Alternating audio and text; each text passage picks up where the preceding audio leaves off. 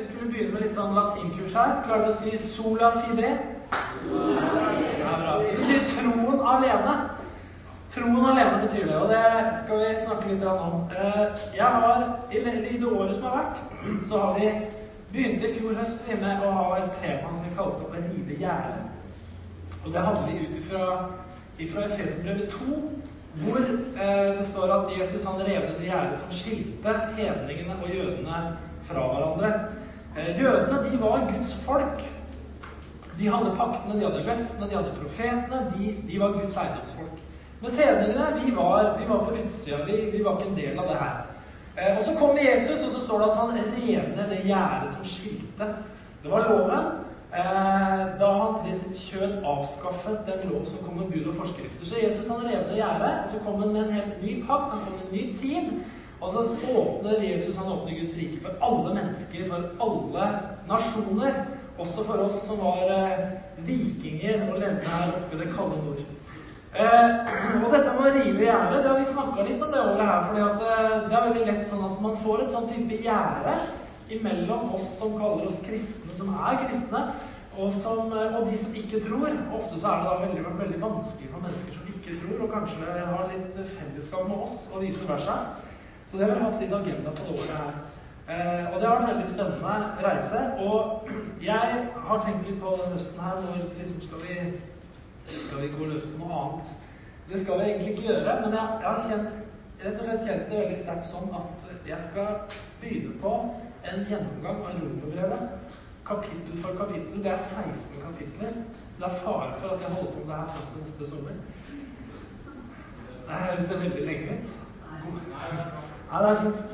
Eh, for det, det, brevet her, hvorfor jeg har lyst til å snakke om det brevet, for det er et utrolig viktig brev. Og det er kanskje det brevet, i hvert fall for min del òg, som har forvandla mitt liv mest og gjort mest med mitt bilde av Gud og meg sjøl som kristen. For altså, det, Den kristne og vår identitet det handler jo om to viktige søyler. Det handler om hvem tror jeg at Gud er, egentlig? Mitt gudsbilde.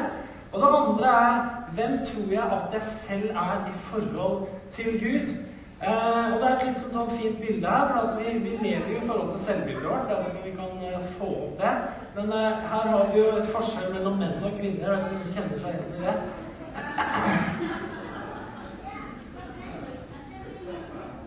Det kan være litt forskjellig sånn menn og kvinner. altså Kvinner de kan være veldig fine og tynne og sånn, og tenke at de er veldig store. Eh, og menn de kan motsatt. Vi kan være litt uh, og gode og synes vi er veldig atletiske og fine.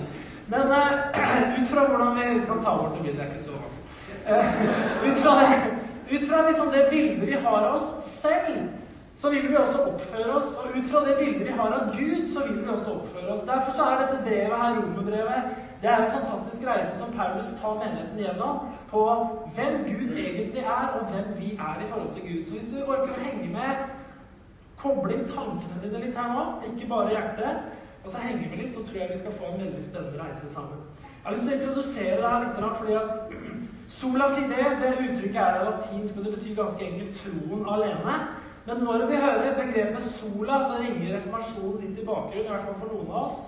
Fordi at reformasjonen eh, av kirken, dvs. Si at kirken ble veldig forandra ved et punkt. Og det er det vi kaller det er det reformasjon betyr. Det betyr jo forandring. ikke sant? At noe blir gjort annerledes, noe blir reformert og gjort nytt.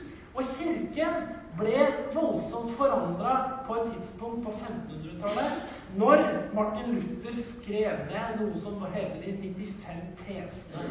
En tese er en læresetning, men Martin Luther han hadde kjempa eh, i sitt eget liv med Gud. Eh, og han hadde søkt å finne ut hvem Gud egentlig var, og hvordan han kunne bli rettferdig for Gud. Dette hadde han kjempa med. Og som et resultat av det så skriver han ned 95 læresetninger som noen sier han slo opp på kirkedøra på kirke i Wittenberg i Tyskland. Alle er ikke enige om han slo dem opp eller ikke, men det spiller ingen rolle. Han skrev dem i hvert fall. Og når han hadde gjort det, så var det et oppgjør med bl.a. noe som het avlatshandel. Det betyr du kunne betale penger til kirken. Og vi har et sånt ordtak som sier at når pengene i kassen klinger, altså i kassa til kirken, da sjelen ut av skjærsilden springer. Den lovsangen har vi slutta å synge for lenge siden. Jeg vet ikke om vi sunget noe. Men man kunne altså betale for å slippe lettere unna skjærstilen som man mente man måtte igjennom før man kom til ville. at man ble rensa for alle ulumskheter. Uh, Luther han påpekte også at ingen kunne bli frelst gjennom sakramentene alene. Det betyr altså Man kunne ikke bli frelst alene gjennom ved at man ble døpt, ved at man ble konfirmert, ved at man ble via, ved at man fikk den siste olje, ved at man tok nattverd, og ved at man gikk til skriftemålet. Det holder ikke at du må bli frelst på den måten. Du må ha noe som heter tro, som er personlig. Eh, noe som måtte være personlig til stede den enkelte. Og Derfor så har vi det reformatoriske uttrykket 'sola fide', som blir stående som en av de tydelige definisjonene på reformasjonen. Troen alene. Men det er flere sånne solaer. Det kan vi få opp. Den første er den, en annen. Det er sola scriptura. Eh, og det betyr Skriften alene. Det betyr at for Luther så var det sånn at det er Skriften alene, altså Bibelen, som vi må lese for å forstå evangeliet og forstå hvem Gud er. Vi kan ikke ta de kirkelige tradisjonene eh, som like viktige som Bibelen, som Skriften. Vi må ta Skriften alene som vår autoritet. Det andre det var, som jeg har sagt, sola fide, som vi skal snakke om. Troen alene. Det tredje punktet som definerer reformasjonen, det var sola gratia. Nåden alene. Ikke det flott? Nåden alene. Og det fjerde var solus Christus, eller sola Christus, som betyr Kristus alene. Eller gjennom Kristus alene. Og det femte sola som definerer reformasjonen, det er solo deo gloria, som er ære til Gud alene. Disse fem solaene her de på en måte definerer hva reformasjonen handler om, og hva, de, hva kirken etterpå, i hvert fall den lutherske, og oss også, som er en frukt av det, vi, vi tror på. Eh, noe av bakgrunnen for reformasjonen jeg må snakke litt om det her, for det er, det er viktig litt sånn kirkehistorie, det er at Luther hadde en opplevelse en tårnopplevelse. Han var i et tårnværelse eh, i, i klosteret i Wittenberg. Og under det at han reflekterte over romerbrevet, nettopp romerbrevet kapittel 1, 16-17, så, eh, så gikk betydningen av Guds rettferdighet opp for Luther. Han oppdaga at den Guds rettferdighet som blir snakket om i Romerne 1,17, som vi skal se litt på senere, det er ikke den strenge og dømmende rettferdighet hos en Gud som i ubønnhørlig hardhet holder dom over en stakkars synder. Det er tvert imot nådens rettferdighet. Og gjennom det så ser han nådig på synderen. Han ser nådig på det mennesket som har gjort synd. Av barmhjertighet for Jesus skyld.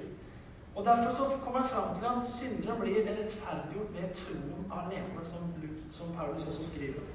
I 1517 så endra Luther navnet sitt fra Lyder Han het egentlig Martin Lyder og nå kaller han seg Martin Luther. Og Luther det henspeiler da på det greske ordet 'eluteros', som betyr 'den befridde, den frie'.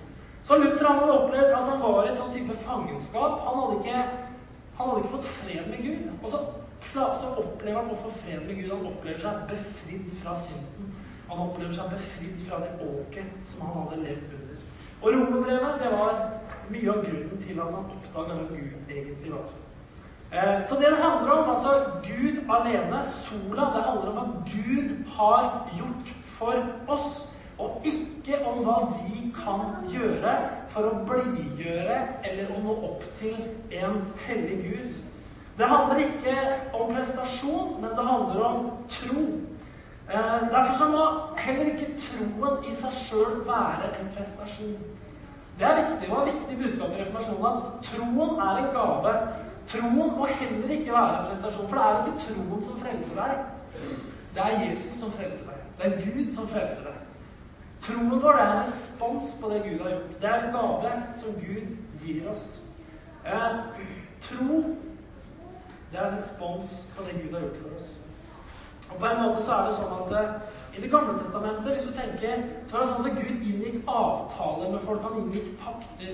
Og da gjorde det sånn at han sa at eh, her er jeg, Gud, og der er du, f.eks. Eh, Abraham. ikke sant? Vi skal, vi skal, inngå en pakt. Du og jeg vi skal gjøre en avtale oss imellom. Eh, det er sånn at Hvis du gjør sånn og sånn, og sånn, så skal jeg gjøre sånn og sånn, sier Gud. Og Gud inngår mange sånne avtaler med mennesker i Det gamle testamentet. Men han sier at vi to vi er to parter som gjør en avtale med hverandre. Vi inngår en pakt. Nå er det sånn at Problemet med en sånn type pakt som var i Det gamle testamentet mellom Gud og et menneske, det var det at Gud han klarte alltid å holde sin del av pakten. Men mennesker de sleit jo fælt med å holde sin del av avtalen. ikke sant? Så de gjorde feil. De synda, de brøyt avtalen. Og da gikk jo avtalen på mange måter da i stykker.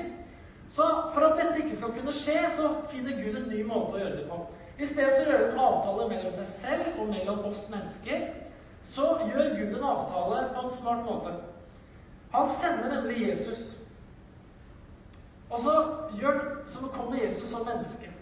Og så er det Jesus og Gud som gjør en avtale. De inngår en pakt. Ja, men åssen kommer vi inn her? Jo, du skjønner, Jesus var jo menneske. Så Jesus som syndfritt menneske, han går inn en avtale, en ny pakt. Og så får vi lov å komme inn i den pakten der. Det fine med det er at Jesus er fullkommen. Han har ikke synda. Så vi får lov å komme inn i en pakt hvor det er to parter som ikke kan svikte. Er ikke det bra? Vet, Hvis Gud hadde kommet til meg og gjort en avtale, så hadde jeg holdt i 14 år, så hadde jeg sikkert brutt den på en eller annen måte. Det er problemet med oss mennesker. Nå er det sånn at tro og gjerninger det har alltid blitt diskutert gjennom Kirkens historie. Hva skal være kjennetegnet på en som er troende? Hvilke gjerninger burde den troende gjøre og ikke gjøre? Hvordan bør den troende oppføre seg? Hvordan bør den troende tenke? Hvordan bør han ikke tenke? Hva er kjennetegnet på en ekte kristen? Eh, og det er mange ting som har variert opp gjennom historien på, på det området her. Hvordan man ser på det, forskjellige kirkesamfunn osv.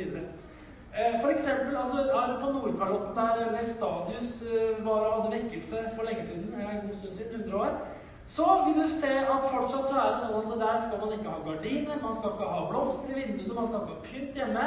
Det er vestadianere, ikke sant? Og de tenker at det er en viktig greie for å være en ekte kristen. Mens her sørpå så har vi både gardiner og vi har blomster og vi har alt mulig. ikke sant? Og det, det syns de er fælt. Eh, hva er det som er kjennetegnet på en ekte kristen? Hvordan skal, hvordan skal en ekte kristen defineres og være og tenke osv.? Det varierer veldig. Og variert veldig opp gjennom historien. Og jeg er helt sikker på at du sitter med dine definisjoner, og vi sitter med våre definisjoner på hvordan det burde være. Andre eksempler kan jo være f.eks. at jeg, har begynt på en ny jobb nå. Jeg har blitt nattvakt på, på en bolig. Og da snakka jeg med en eh, der, det er veldig gøy at jeg er pastor og sånn, selvfølgelig. Det er kjempegøy. Det er ikke noe pastoren, og det er ikke noe presten vår og sogneprest. Jeg har ikke blitt kalt det. Kalt alt mulig. Det er hyggelig, det.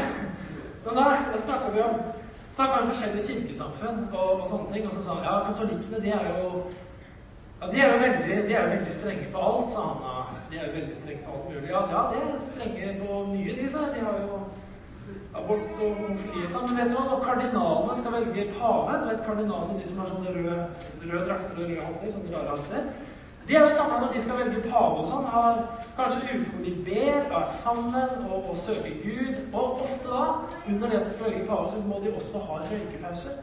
Det er ikke alle som er klar over at kardinalen må røykepause. Og tenker, men det passer jo ikke med at de er så strenge. og sånn. De er strenge på noe som er ikke så strenge på andre ting. Så. Akkurat som læsadianerne er veldig strenge på gardiner. Jeg vet ikke hvor strenge de er på alt mulig annet. Jeg vet ikke. Men det her varierer jo opp igjennom. Ta f.eks. C.S. Lewis, som kanskje er en av de viktigste kristne skribentene i det forrige århundret. C.S. Lewis hadde lest om ham, Narnia, alt det her. Masse kristne bøker. Fantastiske andagsbøker. Han røyka jo pipe, f.eks. Men det er forskjellig. Så spørsmålet har alltid blitt stilt hva er det som gjør at man er en ekte kristen? Hvordan skal man tenke? Hvordan skal man oppføre seg? Og den diskusjonen den har Luther òg. For det, det, som, det som mange syns var farlig med nåde, det er det her. Hvis det bare er nåde, da kan jo folk gjøre som de vil. Da kan de jo skli helt ut. Hvordan skal det bli? Det var jo innvendingen mot en del av nådebudskapet. Nåden alene. Hva med loven? Hva med bud og regler? Nei, sola gratia. Nåden alene, troen alene, Skriften alene, Kristus alene, all ære til Gud alene. Hvordan det skal det gå da? Her står det ingenting om bud og regler. Det kan jo skli helt ut. Luther han sier om tro og gjerninger så sier han deretter Tro er noe levende, skapende, aktivt og kraftfullt. Det er hva tro er. Tro kan ikke hjelpe oss til konstant å gjøre gode gjerninger, men den slutter heller ikke å spørre om gode gjerninger burde bli gjort. For før noen spør, så har den allerede gjort dem og fortsetter å gjøre dem uten stopp. Den som ikke gjør gode gjerninger på denne måten, er en som ikke tror. Det er like umulig å skille tro og gjerninger fra hverandre som det er umulig å skille varme og lys fra ilden. Det han sier, er med andre at troen er noe som skaper i oss lysten til gode gjerninger. Det er noe som hører sammen, og det er noe han tar også ut fra romerbrevet. Eh, litt fakta om det brevet som vi skal nå bruke del tid på å se på i ukene som kommer. Det er skrevet i år 57 etter Kristus. Det er det sjette brevet Paulus skrev, sånn i kronologisk rekkefølge. Eh, nøkkelordet i brevet det er rettferdighet. Da Paulus skrev eh, brevet til, til, romerne, så hadde han ikke vært i Roma sjøl. Eh, det ble sannsynligvis skrevet når han var på besøk hos, hos en som Gaius i Korint. Eh, når han var på sin tredje misjonsreise. Han ønska å komme til Rom, og det er sannsynligvis derfor han skrev brevet. For han skriver i brevet jeg, jeg lengter etter å komme til for å hilse på dere, osv. Så så han sendte brevet. Eh, ble skrevet med en som heter Tertius. Han sendte brevet med en, en dame som heter Føve, til Rom. Så det er sannsynligvis denne dama, da, Føve, som kommer til Roma og leser romerbrevet for menigheten der eh, som, en, eh, som et brev fra Paulus. Luther sa om romerbrevet at det er Nytestamentets viktigste brev. Og Nøkkeltanken er som sagt rettferdiggjørelse ved tro. Saken er at Den vanlige jødiske oppfatningen var at det høyeste uttrykket vi har for Guds vilje, det er loven. Det klareste bildet vi har av Gud, det er loven. Men det er ikke det nytestamentlige budskapet. Loven er ikke det fullkomne bildet av Gud. Jesus sier nemlig i eh, Johannes 14,9 så sier Jesus sånn her Så lang tid har jeg vært hos dere, og du kjenner meg ikke, Philip. Den som har sett meg, har sett Faderen. Hvordan kan du da si 'vis oss Faderen'? Med andre ord så sier Jesus at det er noe annet du skal se på loven om du skal finne Gud. Du skal se på meg. Jeg er det sanne bildet av Faderen. Den som har sett meg, har sett Faderen, sier Jesus. Derfor så ber Jesus oss om å flytte blikket bort fra loven til Han. Hva er det han har å si? Hva er det han har å vise oss? Hva er det han har å fortelle oss om Gud, hvem Gud faktisk er? Eh, noen tanker til til introduksjon. Eh, som kristne så er gudsbildet vårt det er, det er prega av oss sjøl, og det er prega av omgivelsene våre. Det er Omgivelsene du vokst opp i, om det er kristne omgivelser eller ikke kristne omgivelser, så er det prega av ditt bilde av Gud. Eh, hvordan vi tenker om Gud, hvordan vi føler om Gud, hvordan vi handler i forhold til å være kristen. For vi ønsker å leve i Guds vilje, ikke sant? Eh, evangeliene er historiefortelling om hva Jesus sa og gjorde. Brevene er der vi kan hente lærdom og forstå ting på en litt dypere måte. Derfor tror jeg det er bra å gå inn i rombrevet. Eh, og jeg tror at det, bringer sunnhet. Så jeg tror Sunnhet er utrolig viktig i det kristne livet. Akkurat som i kroppen vår så trenger vi, vi trenger sunn næring Vi trenger å få inn riktig næring for å være sunne. Og jeg tror For å være sunne kristne så må vi også få inn bra tanker, bra holdninger, gjennom å se litt på de brevene. Jeg tenker at Romerbrevet skaper sunnhet og ikke lidelse. Jeg tror Luther han hadde Når vi leser historien om Luther, så var han i en historie av lidelse på mange måter i sitt forhold til Gud. Han hadde det vanskelig med seg sjøl. Han hadde det vanskelig med Gud. Han fikk ikke landa, han fikk ikke fred. Han hadde en mangel på åpenbaring om hvem Gud faktisk var, og hva rettferdighet egentlig handlet om. Eh, akkurat som kroppen vår, om, om den mangler ting, så vil den begynne å lide etter hvert. På samme måte så trenger vi å ha en, ha en sunn forståelse av hvem Gud er, for ikke å gå rundt som lidende kristne i vår relasjon til Gud. Vi trenger å få et sunt forhold til Gud. Jeg tror det brevet er med å gjøre det. Eh, jeg håper at brevet her kan gi deg glede i kristenlivet ditt. Eh, jeg håper det kan gi deg innsprøytning av nåde. Jeg håper det kan gi deg en forståelse av enda mer hvem Gud er, og hva nåden er for noe. Jeg håper det kan skape masse godt inni hjertet ditt. Ok, det var litt introduksjon. Eh, vi skal gå litt på det første kapittelet. Eh, og Vi rekker ikke hele kapittelet i dag, vi skal se litt på første halvdel av det. Det første kapittelet, det inneholder det er på en måte todelt. Og det inneholder et budskap om evangeliet, og det inneholder et budskap om vrede. Guds vrede og Guds evangelium. Eh, Sånn at det, Her står det i, i fra vers, i vers 16 og vers 18 så på en måte får du det. Der står det at evangeliet er Guds kraft til frelse for hver den som tror. Altså står det i vers 18 Guds frede ble åpenbart fra himmelen over all ugudelighet og all urettferdighet osv. Eh, det hørtes ikke så veldig nådefullt ut, det siste der. Eh, så da sånn, Vi rekker ikke å se på freden i dag, er det greit? Vi kan se på freden neste gang. For jeg tenker at neste gang blir litt krevende. Da skal vi ha en vrede liksom helt intim om Guds frede. Eh, men det gjelder å forstå hva, hva, det egentlig er for noen ting. Da, for det er kanskje litt annerledes enn det du tenker når du nå hører det. Så jeg tenkte vi skulle ta den første delen i dag av dette kapitlet her, som handler om evangeliet. Og hva er det Paulus egentlig sier når han skal introdusere dette brevet her. Eh, det er en tosidighet i det her som Paulus snakker om her. Hva er synd, og hva er rettferdighet? Hva gjør Gud med synderen, og hva gjør Gud ikke med synderen? Hvor går nådens grenser? Finnes det i det hele tatt grenser for nåden? Gud, er Gud vred? I så fall på hvilken måte er Gud vred? Hva betyr det? Hvordan skal vi forholde oss til våre egne liv overfor Gud? Eh, og hvordan skal vi forholde oss til andres liv overfor Gud? Når skal vi gi nåde, og når skal vi dømme? Skal vi i hele tatt gi nåde? Skal vi i det hele tatt dømme? Det er mange sånne ting som til å snakke om i det kapitlet. Hvordan skal vi tenke om de tingene? Eh, det første kapitlet det har i seg fire begreper. Den første delen av kapitlet har i seg fire begreper som, eh, som forteller egentlig hva dette brevet handler om. Det første eh, det er Guds evangelium. Det andre det er troens lydighet i vers 5. Og I vers 16 så står det om frelse, og i vers 17 så står det om Guds rettferdighet. Og Jeg tenkte vi skulle begynne og, og i dag må bare kikke kort på disse fire begrepene som Paulus bruker i dette første eh, delen av første kapittel. Eh, Guds evangelium det er det første begrepet vi skal ta og kikke litt og tenke litt på. Eh, det sies jo ofte, veldig ofte at når man starter et brev, når man starter et skrift, så er liksom introduksjonen er viktig, for det forteller noe om hva resten skal handle om. Og Sånn sett så er det i vers 1 det første Paulus skriver om, det er det som står her.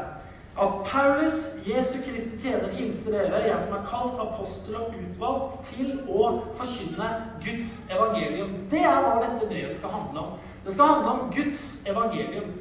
Eh, ja, det er jo innlysende, tenker du. Det, det, det har jeg hørt før. Men la oss tenke litt på det. Ordet evangelium det kommer av det greske evangelion. Og det betyr Grunnleggende gode nyheter, glade nyheter eller et godt budskap. Det er hva evangeliet betyr. Og da er det sånn at uh, Paulus Paulus er altså ikke den som har gode nyheter å bringe. Det er ikke Paulus evangelium han skal skrive. Han skal ikke skrive Paulus sine gode nyheter. Jeg, Paulus, kommer til dere. Jeg har gode nyheter. Nei, han skal skrive om Guds gode nyheter. Gud har gode nyheter å bringe til oss mennesker. Det handler ikke om et menneske som har noe positivt å si. Det handler om at Gud han har gode nyheter å bringe. Eh, det er jo sånn at glade nyheter, gode nyheter, det er jo noen som må bringe det. Det er akkurat som Norsk Tipping. Eh, jeg vet ikke om du følger med på det, men på Lotto og sånt Det hender jeg kommer sånn accidentally forbi det. Og da er det jo gjerne sånn dame eller mann, da. Må jo nesten være det. Dame eller mann. Som eh, skal ringe opp en sånn heldig vinner og de har sett de når de skal ringe. Alltid utrolig fornøyd. ja, nå skal de ringe og få se som har vunnet denne uka her. Og, og de ringer, og, og, så får de svar. Og da er det liksom sånn Ja, det er fra Norsk Tipping som ringer. Aldri sånn. Sånn, 'Hallo, ja, det er fra Norsk Tipping, ja, vi ringer deg, du er hjemme, ja, ja da.' De er veldig fornøyde. Og så svarer de andre enden litt forvirra. Norsk Tipping og Ja, nå skal de være på noe Er det ikke Joker det heter? Opp og ned og sånn. Jeg har sett mest på Joker Nord. Men uh, det er det som er mest inntrykk for meg, da. Og jeg går det opp eller ned? Går ned. Ja, fikk en narkojoker. Han tok alle pengene dine og snakka. Han brukte alle pengene dine på narkotika.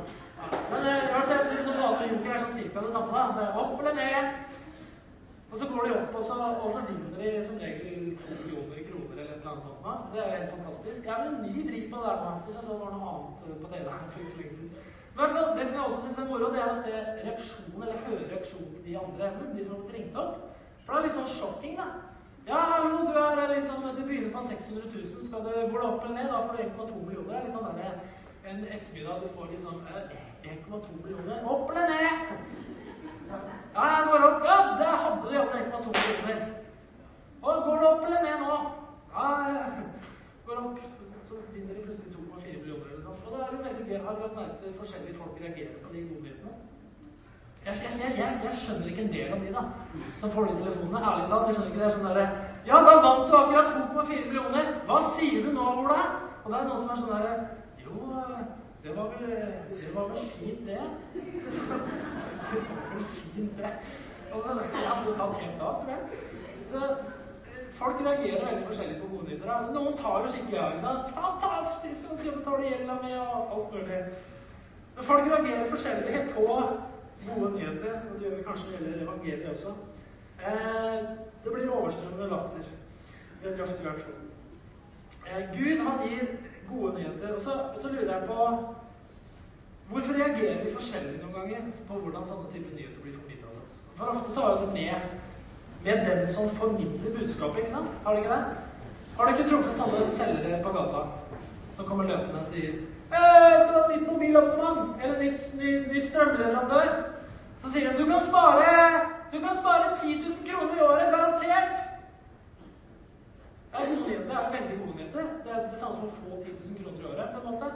Åssen er det ofte, i hvert fall jeg reagerer da? Jeg bare, jeg bare stikker. Altså, jeg er ikke interessert. Jeg er ikke interessert i å tjene 10 000 i året. Glem det. Nei, men hvorfor gjør jeg det? Er det noen andre som gjør det? Noen som bare går? Ja. Hvorfor det? Fordi det er noe med at vi, vi, tror ikke helt på de som kommer og snakker om det. Vi har ikke, vi har ikke tillit til de som kommer og formidler disse nyhetene. ikke sant? Ja, ser suspekt ut. Han er, han er 15 år, liksom. Han kan vel ingenting om strøm. ikke sant? Han ble blitt sendt ut med en perm på gata. ikke sant? Han ble sagt du tjener 10 000 i året. ikke sant? Og så begynner å snakke, så er det sikkert bare fake alt sammen. Det er sikkert noe lureri. ikke sant? Derfor så reagerer vi negativt noen ganger på gode nyheter. Eh, og Derfor så tenker jeg når det gjelder å formidle de gode nyhetene, så er det egentlig veldig viktig at vi også klarer å formidle det på en troverdig måte. da. Ikke sant? Hvem er Gud? Hvordan er det å være kristen? Og videre. For at noen kanskje formidler at eh, det blir på en litt sånn fake måte. Hvis du blir frelst, så blir alt helt fantastisk hele tida, hver dag. Da tenker folk ja, come on, jeg kjenner noen kristne som har problemer. Jeg vet at det er ikke alltid like lett. ikke sant? Er det bare en sånn lykkepille? Det handler om å være litt troverdig når vi, når vi skal formidle evangeliet. Evangeliet er et godt budskap. Hva som en sa en gang, om det går som en sau, om det høres ut som en sau, om det ser ut som en sau, ja, da er det en sau. Men hvis det ikke er sånn, da er det noe annet. Og Det er noe med evangeliet òg. At hvis det høres ut som evangeliet, om det oppfører seg som evangeliet, om det føles som evangeliet, da er det evangeliet. Men er det ikke det det føles som og ser ut som og høres ut som, så er det noe annet. Og det må vi være litt nøye på. Hva er egentlig evangeliet? Det kan hende man blir liksom tenker at it's too good to be true. Eh, evangeliet er Guds gode nyheter som vi skal få lov å formidle. Det andre begrepet som vi hadde oppe her, det var det her med troens lydighet. Står i vers 5 om Paulus skriver om seg sjøl Ved ham har vi fått nåde og apostelembetet for å virke troens lydighet blant alle hedningefolkene til ære for hans navn. Eh, og når vi sier ordet lydighet, så tror jeg veldig mange får forskjellige assosiasjoner. Lydighet det betyr liksom underkastelse, tenker, tenker, kanskje mange der. Men jeg vil at du skal legge merke til at det står ikke lydighet. Det står troens lydighet. Det er en lydighet som handler, går ut ifra tro. Jeg tenker, Ofte når vi hører ordet lydighet, så kanskje man tenker at det er det, er det liksom dressurkurs jeg skal på? Er det liksom, Snakker Paulus til oss som hunder? Vær lydig, bli, sitt, osv. Uh, det, det er det er mange sånne dressurkurs man kan få, som kanskje en del kristne har vært borti. Man på en måte føler at man har vært på sånn kristent dressurkurs om hvordan man skal oppføre seg. Du har jo sånne dressurkurs som heter hverdagslydighet, f.eks. Jeg har gått og kikka litt på sånne dressurkurs for hunder. Det er noe som heter hverdagslydighet. Kanskje det har vært et fint kurs for kristne. Lydighet i hverdagen. Jeg vil gjerne at kjerringa skal gjøre som jeg sier. Det sier Guds ord, ikke sant? Sånn lydighet i hverdagen. Men det er ikke det det handler om. Eh, jeg har også lest at det finnes noe som heter videregående hverdagslydighet. Jeg vil at hun skal lage middag også. Eh, ja, men Det er ikke det Paulus snakker om. Jeg har sett andre kurs for hunder også. Spesialkurs innkalling. Det er kanskje det som ønsker å ha når det gjelder frivillighetsarbeid i menighet. Sånn spesialkurs for kristne innkalling. Nå kaller vi menigheten til dugnad, og alle kommer med en gang. Og de skal være glad når de kommer. Det er veldig viktig. Hundene skal være glade når de kommer. Ja, kanskje det har vært et kurs for kristne. At du kommer med en gang menigheten kaller deg inn, og du er glad og viser glede. Er det det Paulus snakker om? Nei, jeg tror ikke det. Det fins flere kurs altså, som kanskje man kunne hatt liksom, det er sånn båndtrening. Gå pent i bånd. altså Det kan være for kristne hvis du kjenner det liksom egentlig er bundet og sånn. Men gå i hvert fall pent så lenge du går i bånd. Er det det det handler om? Jeg tror ikke det. Det fins kurs for uh, hundens språk, hvordan du skal snakke. At du snakker pent. Utstillingskurs, det er en del som fins. Utstillingskurs for kristne. Jeg skulle hatt en sånn utstilling av menigheter. Husk det når folk besøker besøk. Så oppfør dere pent og vær hellige. Se ordentlig ut. Eh, problemet med hunder er at de har ikke fargesyn. De ser ting bare i sort-hvitt. Er du klar over det? Så, det er jo ikke, så hunder er ikke noe bra bilde på det å være kristen. For vi er ikke kalt til å se ting i sort-hvitt. Vi mennesker vi har fått fargesyn. Så vi kan se ting i farger. Det er veldig bra. Eh, troens lydighet handler ikke om sånn dressurkurs. Det er ikke det Paulus skal skrive om det, det brevet her. Han skal skrive om noe annet som kommer fra innsida. Troens lydighet. Jeg tror, derfor så handler jeg. Eh, jeg har lyst til å repetere det som Luther skrev til å begynne med. som vi, som vi på til å begynne med. Det kommer opp her, så vi kan se på det en gang til. Tro og handling, sier Luther. Tro er noe levende, skapende, aktivt og kraftfullt. Det er hva tro er. Tro kan ikke hjelpe oss til konstant å gjøre gode gjerninger, men den slutter heller ikke å spørre om gode gjerninger burde bli gjort. Men før noen spør, så har den allerede gjort dem, og fortsetter å gjøre dem uten stopp. Den som ikke gjør gode gjerninger på denne måten, er en som ikke tror. Det er like umulig å skille tro og gjerninger fra hverandre som det er umulig å skille varme og lys fra ild. Troens lydighet. Hva er det å si om tro? Hva slags lydighet er det Paulus egentlig har tenkt å snakke om? Jo, han snakker om at tro er noe som blir vekka her inne i oss mennesker. Det er noe som kan komme smygende inn i hjertet vårt noen ganger. Tro at vi begynner å tro. Vet du hva, Jeg husker det veldig godt sjøl. Jeg var 20 år. Jeg trodde på Gud. Jeg trodde på Guds eksistens. Jeg visste at han var der, men jeg hadde ikke en sånn levende, overgitt relasjon til den Gud jeg visste eksisterte.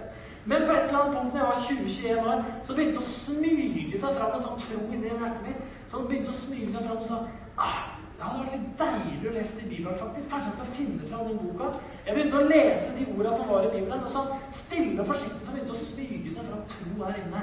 Det begynte å boble litt. tenkte jeg, det her, er jo, det her taler til meg. Det her er det noen ting. Dette er noe jeg kan forholde meg til. Og så, videre. så på den måten så kan troen den kan begynne å smyge seg opp i hjertet vårt. ikke sant? Eh, hva er det For eksempel det her med, med kjærlighet. da, Hva er det som får oss til å handle når vi finner kjærlighet, når vi begynner å kjenne det bobler inne, så, så, handler vi, ikke sant? Har, jeg, fikk meg jo, jeg fikk meg jo Katrin. Jeg var veldig heldig som fikk henne, syns jeg. Og, men det var jo en dag hvor jeg kjente det smøg som en tro på at Hei, kanskje det kan bli oss. Kanskje hun kan være interessert i meg. Kanskje det kan være noe her. Kanskje faktisk dette kan være greia. Kanskje det er hun som skal bli kona mi. Kanskje det er hun jeg skal ha. Hva gjorde jeg da? Da handla. Bare spør svigermor. Hun er på møte i dag. Jeg kom ned til henne, vet du. Og tok dattera med på kjøretur. Og så blei det oss. Og jeg handla. Hvorfor det? Fordi jeg trodde. Jeg begynte å tro på noe. Og så handla jeg. ikke sant? Og det er den type tro, det er den type at vi gir respons, at vi får en lydighet overfor den troen som begynner å stige opp og innse oss. Tro det blir vekka ikke sant, i oss når vi får en relasjon til en kjærlig og Gud, god Gud. Det handler om at vi kommer til vårt opphav, vår skaper, til vår Gud som vil oss så endelig vel. Og troen den gjør oss lydige i den forstand at vi, vi, vi, begynner å leve i overensstemmelse med den Gud som vi har funnet, og som elsker oss. Troen det er en gave fra Gud. Eh, det er en menneskelig egenskap som er gitt oss av Gud. ikke sant? Så Derfor så skriver Paulus ikke at hans oppdrag er å virke lydighet. For vet du hva? Hvis Paulus bare skrev 'Jeg skal virke lydighet', så ville det referert til hva da? Din og min evne til å disiplinere oss og til å klare det. Ikke sant? Vær lydig. Gjør det og det. Hva, hva appellerer det til? Jo, det appellerer til din viljekraft. Dette må du klare. Dette må du fikse. Dette må du orke. Dette må du disiplinere deg til. Dette er bare sånn du skal gjøre det. Men Gud hadde prøvd den veien. Det var den veien som var i Det gamle testamentet. Her er budet. Du skal ikke stjele. Du skal ikke begjære din nestes kone. Eller hans eiendom. Du skal ikke. Bare gjør dette. Hvor godt fungerte det? Det fungerte dårlig.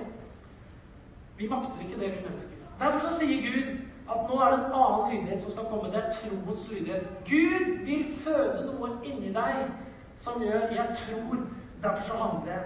'Jeg blir fylt av Den hellige ånd, derfor så handler jeg'. Ikke sant? Det handler om noe mer enn det. Det handler om hva Gud kan gjøre i oss. Gud alene. Æren til Gud alene. Kristus alene. Nåden alene. Det tredje begrepet som fins i den første delen av det kapitlet, er begrepet frelse.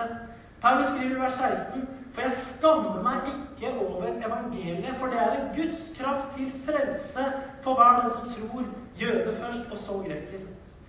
Og allerede i det verset går det veldig tydelig fram hva som frelser oss. Evangeliet. Det er evangeliet som er Guds kraft til frelse. Eh, det er ikke troen som frelser oss. Det er evangeliet som frelser oss. Gud ved evangeliet frelser oss. Eh, han gjorde det mulig ved de gode nyhetene. Han forsona oss med seg selv og brakte oss til gode nyhetene. Eh, hvorfor er det viktig å understreke at det ikke er troen i seg selv som frelser oss? Hvorfor? Da hadde det vært sånn at vi selv hadde bidratt til vår egen frelse. Det er spørsmålet kan du og jeg bidra til vår egen frelse. Kan vi gjøre noe for å frelse oss sjøl? Nei. Vi kan ikke gjøre noe for å frelse oss sjøl. Jo, men vi må tro. Ja, men hva er tro? Troen kommer av forkynnelsen som en hører. Og forkynnelsen som vi hører, kommer av Kristi ord. Ok, Så hva er troen? Troen er et resultat av noe. Troen er et resultat av alt vi har hørt. Troen er et resultat av at Gud har gitt oss noe som gjør at vi begynner å tro. Troen er også en gave fra Gud. Hvis troen var en prestasjon, da kunne vi ha hjulpet til med vår egen frelse. Men den nye pakt så er det sånn at vi kan ikke gjøre noe for å hjelpe til med vår egen frelse. Det eneste vi kan gjøre, er å si ja. Vi kan gi en respons. Vi kan la være å bli frelst. Vi kan la være å tro. Vi kan også ta imot Guds nåde gjennom å gi den responsen som kalles for tro. Frelse, soteria på gresk, det betyr redning og sikkerhet, både fysisk og moralsk. Det betyr befrielse. Det betyr redning. Og Derfor så sier Paulus at evangeliet det er Guds kraft til å befri deg. Det er Guds kraft til å redde deg, til å frelse deg, til å helbrede deg, til å få deg hel igjen. Det er evangeliet. Frelse. Paulus opplevde frelse. Frelse må, Du må ikke tenke på frelse ellers som at du ikke skal oppleve noe av det onde, men at vi blir bevart gjennom det onde. Paulus, som skriver det brevet her, var et levende eksempel på at han opplevde onde ting. Paulus ble steina, han ble kasta i fengsel, han ble piska, han led skipbrudd, han hadde angst, han var redd. Han opplevde svik, han opplevde masse vondt i livet sitt. Det gjorde Paulus. Allikevel så sier han at evangeliet er Guds kraft til frelse. Så frelse innebærer ikke at du unngår å oppleve vanskelige ting i livet, men det innebærer at Gud tar deg igjennom. Han redder deg. Han bærer deg. Han tar deg igjennom. Til slutt så vil rettferdigheten alltid seire. Guds rettferdighet er det siste begrepet som vi skal kikke litt på i det første kapittelet her i dag. Guds rettferdighet. I vers 17 så står det For i det, altså i evangeliet, åpenbares Guds rettferdighet av tro til tro, som det står skrevet. Den rettferdige av tro skal leve. Så siste nøkkelbegrep i introduksjonen her, det er Guds rettferdighet. Eh, begrepet Guds rettferdighet vil, videre i brevet det blir stående som et motbegrep til begrepet egenrettferdighet. Eh, det er det motsatte. Guds rettferdighet det er et motbegrep til begrepet egenrettferdighet. Vi vet hva som ligger i det her med egenrettferdighet. Jeg slo opp litt her og der for å sjekke hva er liksom definisjonen på egenrettferdighet. Eh, og en har sagt at det er en følelse der man i smug føler seg moralsk overlegen. At man er moralsk overlegen gjennomsnittet. Da er jeg egenrettferdig. Sånn i smug Jeg kanskje sier ikke rett ut at jeg er bedre enn deg, og sånn, men altså i smug så kan vi føle det. ikke sant? Jeg er litt bedre. Jeg har det litt bedre på stedet enn deg. Jeg har ordna meg litt bedre enn deg. Jeg tenker litt bedre, jeg er litt bedre, jeg har litt bedre. ikke sant? Eh, en annen har sagt at uh, en god følgesvenn til egenrettferdighet, det er hykleri. Å være hyklerske Jesus refsa fariseerne ofte. Dere hyklere, sa han. Dere, dere hykler. Hva betyr det? Det betyr egentlig å være skuespiller. Uh, det er det, det ordet kommer fra. Hypokrites betyr å være skuespiller. Så Jesus sier det. Dere, se! Dere er skuespillere. Dere oppfører dere som skuespillere. Dere er ikke ekte. Dere er ikke the real deal. Vi ser ikke hvem dere er. Dere bærer masker. Dere kler dere opp. Dere oppfører dere som om dere er noe annet dere egentlig er. Fordi at egentlig, på innsida, sa Jesus en del, så er dere fulle av råttenhet og grådighet. Kalka graver. Skuespillere er det. Man er opptatt av å opprettholde en plettfri og korrekt fasade. Og man opplever sånn omgivelsene som ikke ekte. Og vet du hva, jeg har vært borti det noen ganger. Du snakker med noen. Åssen var han? Jeg opplevde ikke han som ekte. Har jeg sagt det noe? Han var ikke ekte. Ja, åssen var det? Nei, jeg veit ikke. Men han var ikke ekte. Det var noe med den personen som ikke var ekte. Jeg tror han forestilte seg han, han var noe mer, prøvde å være noe mer enn han egentlig faktisk var. Hvorfor det? Fordi man er egenrettferdig. Det er et annet begrep som heter narsisme, som ofte brukes, ikke sant? som beskrives som å ha selvkjærlighet. Det kan være både positivt og negativt. Det er godt å elske seg sjøl på en riktig måte. Men eh, det kommer fra myten om en, en, gresk myte om en som het Narsissus, som var veldig vakker. En ung mann. Han het Narsissus. Han var en vakker ung mann. Han eh, hadde mange som ville være hans elskerinner, hans kjæreste. Men han avslo alle elskerinner. Og han falt i den tragedien at når han så seg selv i sitt eget speilbilde, så forelska han seg i det. Han forelska seg i sitt eget speilbilde. Det var jo narsissus. Og da har vi dette begrepet narsistisk. At man, man er veldig glad i seg sjøl. Man ser bare seg sjøl. Og det eneste man kan forelske seg i og bli ordentlig glad i, det er mine egne meninger, mine egne ståsteder, min egen refleksjon over hverdagen, over tida, over hvordan vi tenker osv. Så, videre. så alle som kan speile seg i mitt speilbilde og bli glad i det, de kan også jeg elske. Men sånn skal det ikke være. Egenrettferdigheten. Men Paulus han peker altså på han er ikke ute etter å forsterke egenrettferdigheten. Han er ute etter å fortelle om at det fins en annen rettferdighet som heter Guds rettferdighet, som vi som tror, får i gave. Eh, dersom vi tenker på menneskets urettferdighet som synd som gjeld, som en slags gjeld, en syndegjeld, så kan vi tenke på Gud som denne Kristus Jesus som sletter gjelden og setter inn et uendelig beløp av nåde på vår konto. Det er et nådesoverskudd som aldri vil ta slutt. Guds rettferdighet har blitt overført fra ham til oss som er mennesker. Jeg tror Paulus, når han skriver det brevet her, så har han et inderlig ønske om å forklare evangeliet i all sin helhet til menigheten i Roma. Eh, jeg tror Paulus skriver det, og det ser vi i brevet, at han ønsker å rydde opp.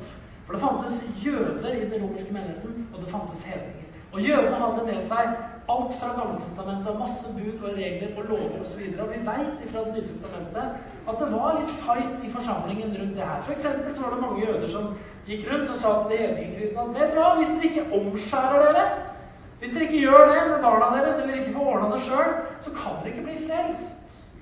For Paulus sier det trenger dere faktisk ikke gjøre. Han kommer inn i brevet etter hvert og sier dere trenger ikke å omskjære dere for å bli frelst. Dere trenger bare en omskjærelse på hjertet. Det må skje noe her inne, sier Paulus. Og Derfor er det sånn at han eh, forklarer Nåden forklarer hvem Gud er, også i dette brevet. Så det var egentlig, Da er det mest sånn introduksjon jeg håper at du har lyst til å være med på temagudstjeneste framover. Det kommer til å være her om 14 dager. Så skal vi se litt på Guds frede, hva det betyr. Så i dag har det vært mest en introduksjon. Jeg har lyst til at vi skal ta oss og reise oss eh, opp, og jeg har lyst til at lovsangsteamet skal komme opp. Eh, og så skal vi be litt sammen. Herre, jeg takker deg for at du har gitt oss alt vi trenger til liv og gudsfrykt. Jeg takker deg, Jesus, for at du elsker oss. Jeg takker deg, Jesus, for at du elsker alle mennesker. Takk, Herre, uansett hvor vi er, uansett hvor vi kommer fra, og uansett hvordan livet vårt ser ut akkurat nå, så elsker du oss. Jeg takker deg, kjære Jesus, for at du har strakt ut uendelig nåde til oss mennesker. Jeg takker deg, Herre Far, at du kom med gode nyheter til oss, Herre. Takk for at ikke vi trenger å produsere gode nyheter sjøl, men at du har gitt oss nok nåde, så vi kan få lov å leve takker deg for det, Jesus. Jeg takker deg for denne formiddagen. At vi kan få lov å kjenne din her. I Jesu mektige navn. Jesus, jeg priser deg. Jesus, jeg priser deg. Halleluja. Det kan hende du er her i formiddag som eh, tenker at Gud ikke er noe. Kanskje, kanskje, du tenker at Gud er ikke interessert i meg, eller han, han vil ikke være nær, nær meg, eller noe sånt noe. Veldig, veldig fint hvis du har lyst til å bli med framover i det brevet her. Men jeg har veldig lyst til å si til deg at Gud han, han elsker alle mennesker, også deg. Og uansett hvor du er i livet akkurat nå, så har Gud en genuin omsorg for deg. Han ønsker at du skal bare være frimodig og komme til ham. Det handler ikke om din egen rettferdighet, men det handler om Guds nådes rettferdighet, hvor du kan få lov å komme Jeg har lyst til å be en bønn til for deg som kanskje kjenner det sånn. At du skal kunne gå ut herfra i dag og kjenne at jeg kan komme til Gud uten å bøye hodet. Jeg kan få lov å komme til ham på grunn av Jesus. Så kan jeg få lov å komme til ham og ha frimodighet. Herre, jeg takker deg en gang til for at vi kan få lov å komme til deg gjennom ditt blod uansett hvor vi er. Om det er noen som står her i formiddag som kjenner seg avskjært fra deg, her, som kjenner seg avskåret fra din nåde, takker at du skjærer ingen av. Men du har åpna en ny og levende vei for alle mennesker til å komme inn til deg. Derfor takker jeg deg, Herre. Akkurat nå så senker du din overbevisning av tro og nåde ned i noens hjerte.